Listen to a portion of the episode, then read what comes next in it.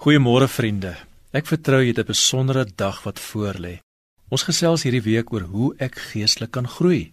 My geestelike groei is natuurlik volledig God se werk, maar ook my werk. Daarom is dit so belangrik om my in te oefen in sekere geestelike gewoontes wat my kan help om vir God die ruimte te skep om in my hart te werk deur sy gees. Hierdie gewoontes is soos die traliewerk wat 'n plant regop hou om te kan groei na die lig en na die son en heerlike vrugte dra. Ons het al gepraat oor lewensvreugde, oor 'n stadiger lewe. Vandag praat ons oor die gewoonte van gebed. Julian van Norwich het geskryf: Prayer unites the soul to God.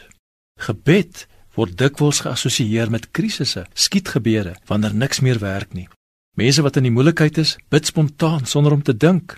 Mense wat deur siekte gaan, deur egskeiding, probleme met die kinders ervaar, as ons aan die einde van ons eie reserves kom, bid ons instinktief, soos 'n man wat sonder suurstof hyg na asem.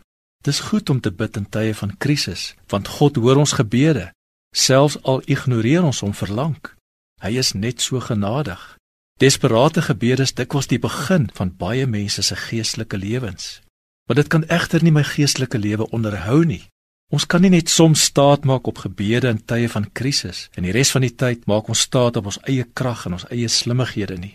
Ons moet onthou, ons gebede gaan na die hemel toe. Vir die Bybelskrywers is gebed 'n baie ernstige saak. Vir Jesus is dit net so 'n ernstige saak. Trouwens, Jesus tree vandag nog elke dag by die troon van God by ons in. Hy doen vir ons voorbereiding.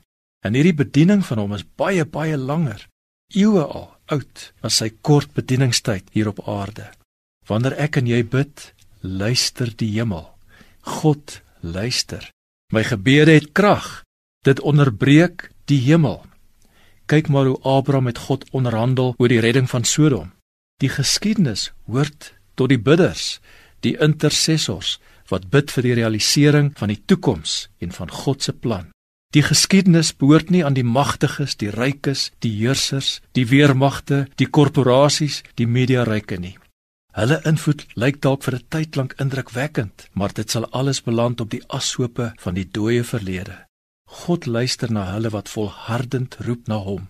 Bybelse gebed is rou eerlik, aanhoudend, skaamteloos, amper soos die gerede kawel in 'n oosterse mark, eerder as die beleefde monoloë in kerke vandag.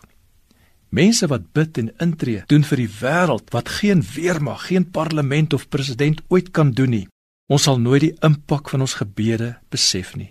So moet nooit opgee op gebed nie.